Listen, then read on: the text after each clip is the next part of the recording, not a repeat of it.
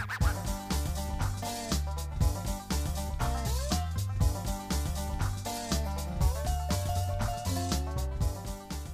dostlar. Əcəl kluba xoş gəlmisiniz. Sizinlə mən Emin Və mən Əhmədiyə Əcəl haqqında söhbət edəcəyik. Bu kanal yaratmaqdan məqsəd ümumiyyətlə əcəl haqqında bilikləri paylaşmaq, bilmədiklərimizi öyrənmək və müzakirələr aparmaqdır. çalışırıq ki, bu kanalda daha çox adi məlumatları yox, hansısa məlumatları maraqlı şəkildə sizə çatdırmaqdır. Ola bilər ki, hansısa кейsləri sizə danışaq, deyək ki, bu necə olmalıdır, necə olmamalıdır. Bugünkü söhbətimiz əcəl nədir mövzusunda olacaq. Əcəl 20-ci əsrin 70-ci illərində Yaponiyada meydana gəlib. Bu əslində indiki əcəl tam şəkildə olmasa da, o vaxt istehsalatda buna bənzər metodologiya tətbiq olunurdu, hansı ki, məhsulun keyfiyyətini yaxşılaşdırmaq və son hazır məhsulu standartlaşdırmaq məqsəd daşıyırdı. Daha sonra 90-cı illərdə Jeff Sutherland Scrum metodologiyasını başladı, belə deyək. 2001-ci ildə isə artıq bu metodologiyaya hakim olan 17 nəfər şəxs birlikdə Agile Manifestonun əsasını qoydular, hansı ki 4 bənddən ibarətdir və manifesto əsas başlıq olaraq qəbul edildiyi halda Agile-ın 12 prinsipi var ki, hansı ki onun tam şəkildə açıqlamasını verir. Dostlar, bu nəzəri hissə idi. İndi keçək məncə müzakirəyə Emin. Deməli, agile nədir deyəndə ümumiyyətlə ağla nə gəlir də? İnsanlar fikirləşir ki, agile sürət deməkdir, agile keyfiyyət deməkdir, agile nə bilim, insanları işlətmək deməkdir və s. Yəni biz müəyyən dərəcədə bu suallara istəyirik cavab verək ki, sizin ağlınızda bir fikir yaransın ki, agile nədir və ümumiyyətlə harda istifadə edə bilərik, harda eləyə bilmərik. Sadə dildə desək, Agile dəyişən şərtlər daxilində işin və ya layihənin icrası, bu icra zamanı işin hissələrə bölünərək mərhələli şəkildə həyata keçirilməsi, planlamanın birdəfəlik deyil, onun da mərhələli şəkildə aparılması, müştərilərdən və ya stakeholderlərdən feedback alınması və bunun əsasında düzəlişlərin edilməsidir. Agile deyəndə çox vaxt biz sürət anlamına gəlirik də ki, əgər kimsə agile işləyirsə, deməli sürəti nəsə çıxartmalıdır bazara. Bu nə dərəcədə düzgündür səncə? Bu tam da bu şəkildə qəbul olunmamalıdır. Bəli, Agile işin sürətli icrasına təsir eləyir. Bəli, Agile işin keyfiyyətli icrasına təsir eləyir. Amma bu həmişə belə olacaq anlamına gəlmir. Sürət dedikdə bəzi insanlar düşünür ki, mən layihəni daha sürətli verəcəm də. Məsəl üçün waterfall-da əgər mən 1 ilə misal üçün layihəni təhvil verirdimsə, planlayırdım hər şeyi və sonda bütün nə lazımdırsa hamısını verirdimsə, düşünürlər ki, Agile onu cəmi 2 həftəyə verəcək. Hansı ki, bu məncə düzgün düşüncə deyil. Çünki Agile əslində layihəni hissələrə bölür ki, o hissələrlə artıq müştəriyə biz hansısa bir dəyər verə bilək. Dəyəri bəli, yəni bu tərəfdən biz düşünsək, dəyəri daha sürətli şəkildə biz müştərilərə verə bilirik. Lakin layihəni sonda yenə də sonda veririk. Yəni 1 ilin sonunda biz layihəni verə bilərik. Amma belə bir şey də var ki, əslində Agile-da layihə heç vaxt bitmir kimi belə anlayış da var. Çünki Agile inanır ki, bir layihənin inkişaf nöqtəsi, yəni son nöqtəsi yoxdur. Onu həmişə inkişaf eləmək olar, həmişə daha yaxşı eləmək olar, daha sürətli, daha keyfiyyətli, daha rahat müştərilər üçün. Təbii ki, bu miflər şəklində düşünmək lazım deyil, reallığı qəbul etmək lazımdır. Birinci növbədə qəbul etmək lazımdır ki, bizim layihəmiz, görəcəyimiz iş Agile prinsiplərinə uyğundur ya yox. Bunu Agile şəklində icra etmək mümkündür ya yox. İşin hissələrə bölünməsi, onun planlamasının mərhələli şəkildə aparılması bizə işin icrasına tam şəkildə gerçəkləşdirməyə icazə verirmi? Bu şəkildə olarsa, təbii ki, Agile tətbiq edib effektiv nəticə ala bilərik. Biraz əvvəl waterfall haqqında da danışdıq. Waterfall-dan əsas fərqi odur ki, Agile-ın. Yəni waterfall-da biz məsəl üçün hansısa bir sayt yaratmalıyıq. 1 il layihəni biz elbi ki, otururuq, planlayırıq. 1 ay oturduq, bütün tasklarını, bütün tapşırıqlarını yazdıq ki, burada nə olmalıdır və s. Müştərilər indi bu gün bizdən nə istəyir? Hamısını yazdıq və başladıq icra etməyə. Və məhsulu ancaq layihənin sonunda müştəri bizdən ala bilər. Yəni 1 ilin sonunda müştəri alır ki, hə, mən bu saytı artıq istifadə edə bilərəm və 1 il müddət də artıq çox uzun müddətdir ki, müştəriyə həmin məhsul hələ də aktual qalsın. Yəni təsəvvür edin ki, 1 il zamanında nə qədər şey dəyişə bilər də. Pandemiya başladı, nə oldu, nə baş verdi? Artıq müştəri başqa bir şey istəyir və sizin o 1 il işlədiyiniz məhsul artıq heç kimə lazım deyil. Agile imkan verir ki, siz məhsulları hissə-hissə böləsiz və onu misal üçün bir sayt yaradırsınız. Birinci hissəsində saytın məlumat hissəsini doldurursunuz. İkinci hissəsində account hissəsini yazırsınız. Üçüncü hissəsində hansısa bir funksionallıq balaca yazırsınız ki, müştəri onu istifadə edə bilsin. Və belə-belə ilin sonunda artıq tam hazır olmuş bir sayt verirsiniz müştəriyə ki, o onu istifadə edə bilsin. Amma bu il ərzində də siz müştəri toplayırsınız. Öz müştəri bazanız olur və artıq gəlir əldə edə bilirsiniz öz şirkətinizə. Podkastımızın adı Agile nədir olduğuna görə bizim əsas məqsədimiz burada sizə onun haqqında ilkin təsəvvürü verməkdir. Təbii ki, aranızda artıq bununla bağlı məlumatlı olanlar da var, amma məlumatı olmayan və nisbətən az olanlar üçün üçün demək lazımdır ki, Agile o demək deyil ki, burada planlama yoxdur. Planlama təbii ki var. Agile-da da 1 illik və ya rüblük planlamalar var. Sadəcə burada planlama standart və dəyişilməz deyil, zamanla dəyişilə bilər, düzəlişlər oluna bilər və alınan feedbacklər əsasında doğru yönləndirilmə aparılmalıdır. Eminin sözünə qüvvət, yəni dəyişikliklər bazardakı vəziyyətə uyğun olunur da.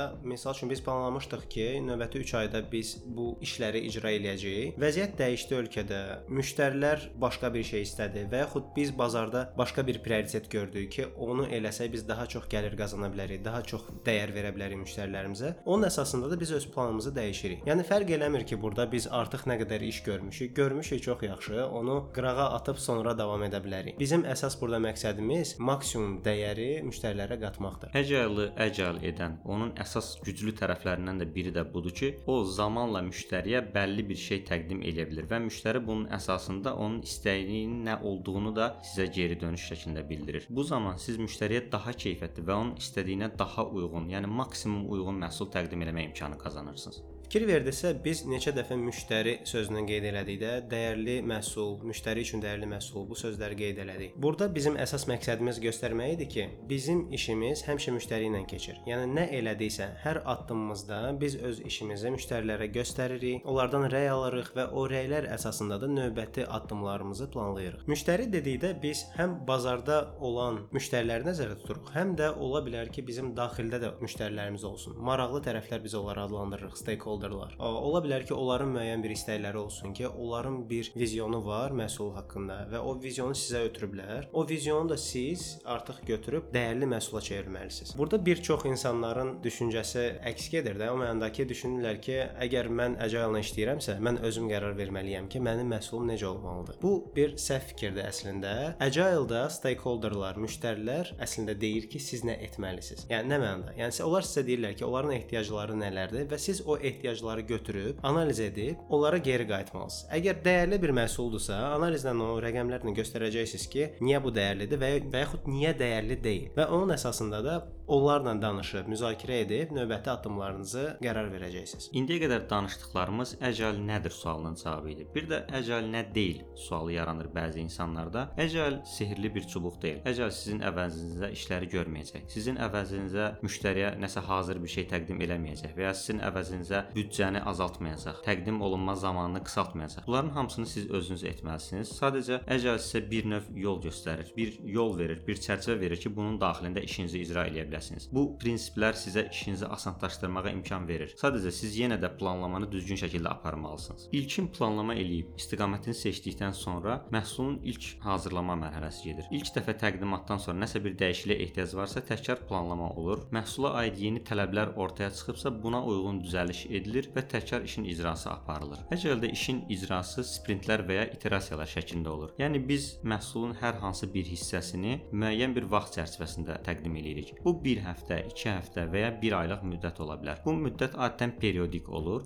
Bu sprint və ya iterasiya adlanan müddət məhsulun təqdim olmasına da təsir eləyir. Burada inkremental və ya iterativ şəkildə təqdim etmə ola bilər. İnkremental metod budur ki, biz hər sprintin sonunda bir inkrement, yəni hazır bir hissə təqdim edirik. Hansı ki, müştəri onu bir növ istifadə edə bilər və ya istifadə edə bilməsə belə görə bilir. Bu məhsulun hazır bir hissəsidir. İterativ metodda isə biz hər dəfə hazır məhsul təqdim edə bilməsək belə, onun hansısa bir hissəsini icra edirik. Məsəl üçün, birinci dəfə bu məhsulun çertyoju çəkilə bilər, ikinci dəfə arxitekturası qurula bilər və s. Ümumiyyətlə bir sual yaranır ki, biz necə bilək ki, biz agile-la işləyirik yoxsa işləmirik? Bunun çox yaxşı bir metrikası deyək bu 2001-ci ildə bundan əvvəl dediyimiz manifesto ola bilər. Gəlin indi bu manifestoya biraz detallı baxaq. Bu agile manifesto 4 dəyərdən ibarətdir. Dəyər nömrə 1. Fərdlər və ünsiyyət proses və alətlərdən üstündür.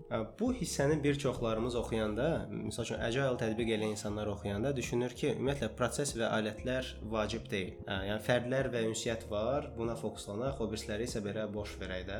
Əslində bu manifesto onu qeyd edir ki, biz üstün verməliyik, yəni prioritet verməliyik birinci hissəyə, yəni fərdlər və ünsiyyətə, amma eyni zamanda da proses və alətləri də nəzərə almalıyıq. Bu ikisi əgər qalanda, yəni ikisi arasında bir seçim olanda biz birinci tərəfə daha çox üstünlük verməliyik. Amma ikinci tərəfi də əlbəttə ki, nəzərə almalıyıq. Dəyər nömrə 2. İşləyən proqram mürəkkəb sənədləşmədən üstündür. Burada da yenə çox vaxt konfliktlər olur. O mənada ki, deyirlər ki, sənədləşmə ümumiyyətlə lazım deyil, çünki biz axı işləyən proqrama fokuslanmalıyıq. Bu dəyər onu nəzərdə tutur ki, əgər siz hansısa bir məhsulu irəli sürürsünüzsə, hansı məhsul çıxarırsınızsa, ona fokuslanmalısınız. Məhsulu əgər hansı sənədləşmə gecikdirirsə, məsəl üçün sizin şirkətinizdə ə, bürokratiya çoxdur, sənədləşmə bir adamdan o birisi adama keçir, 1000 dənə adam ora qol çəkməlidir və s.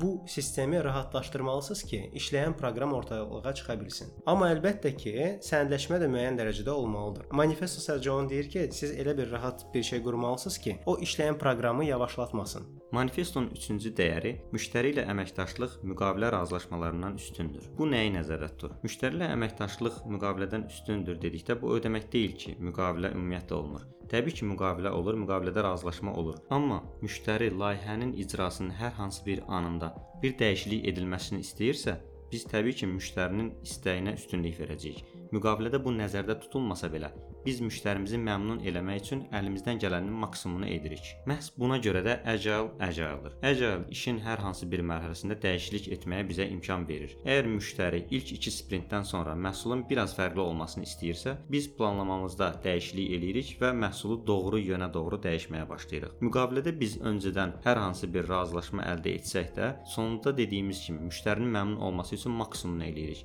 Bizim üçün ən önəmli olan müştərinin məmnuniyyəti və təqdim elədiyimiz məhsulun maksimum səviyyədə keyfiyyətli olmasıdır. Burdan da 4-cü dəyər ortaya çıxır. Dəyişikliyə cavab vermək plana əməl etməkdən üstündür. Bunun əsas vurğuladığı məqam dəyişikliyə əməl edilməsidir. Yəni hər hansı bir dəyişiklik olarsa, burada ola bilər ki, müştərinin istəyi ola bilər, ola bilər ki, bazar şəraiti ola bilər, hansısa rəqabətdən doğan bir amil ola bilər. Dünyada qlobal vəziyyətin dəyişməsi ola bilər, ümumi insanların tələblərinin dəyişməsi ola bilər, fərqi yoxdur. Əgər hansısa bir dəyişiklik varsa və məhsulda dəyişiklik olunması istənilirsə, biz bunu mütləq eləməliyik. Baxmayaraq ki, biz əvvəlcədən planda nəyi nəzərdə tutmuşduq, baxmayaraq ki, bizim məhsulumuz bundan bir xeyli fərqlənə bilər, biz yenə də maksimum dəyişikliyə getməyə çalışmalıyıq. Bu amil bəlkə də əcəlin həm çox sevilməsinə, həm də çox sevilməməsinə səbəb olur. Çünki bir çox insanlar dəyişikliyi qəbul edə bilmirlər. Yəni əvvəlcədən bu cür razılaşdırılmışdı, sonra niyə dəyişildi fikrini bir çox insan qəbul edə bilmir. Amma müştərilər tərəfindən də bunun çox sevilməsi qəbul olunandır, çünki onlar istədikləri vaxt əsl istədikləri məhsulu əldə edə bilirlər. Yəni agile metodologiya ilə görülən işlər həmişə istənilənə maksimum yaxın olur. Müştərilərin maksimum praktik, maksimum istifadə edə biləcəyi bir şey olur, hansı ki, keyfiyyəti və müştəri məmnuniyyətini təmin eləyir.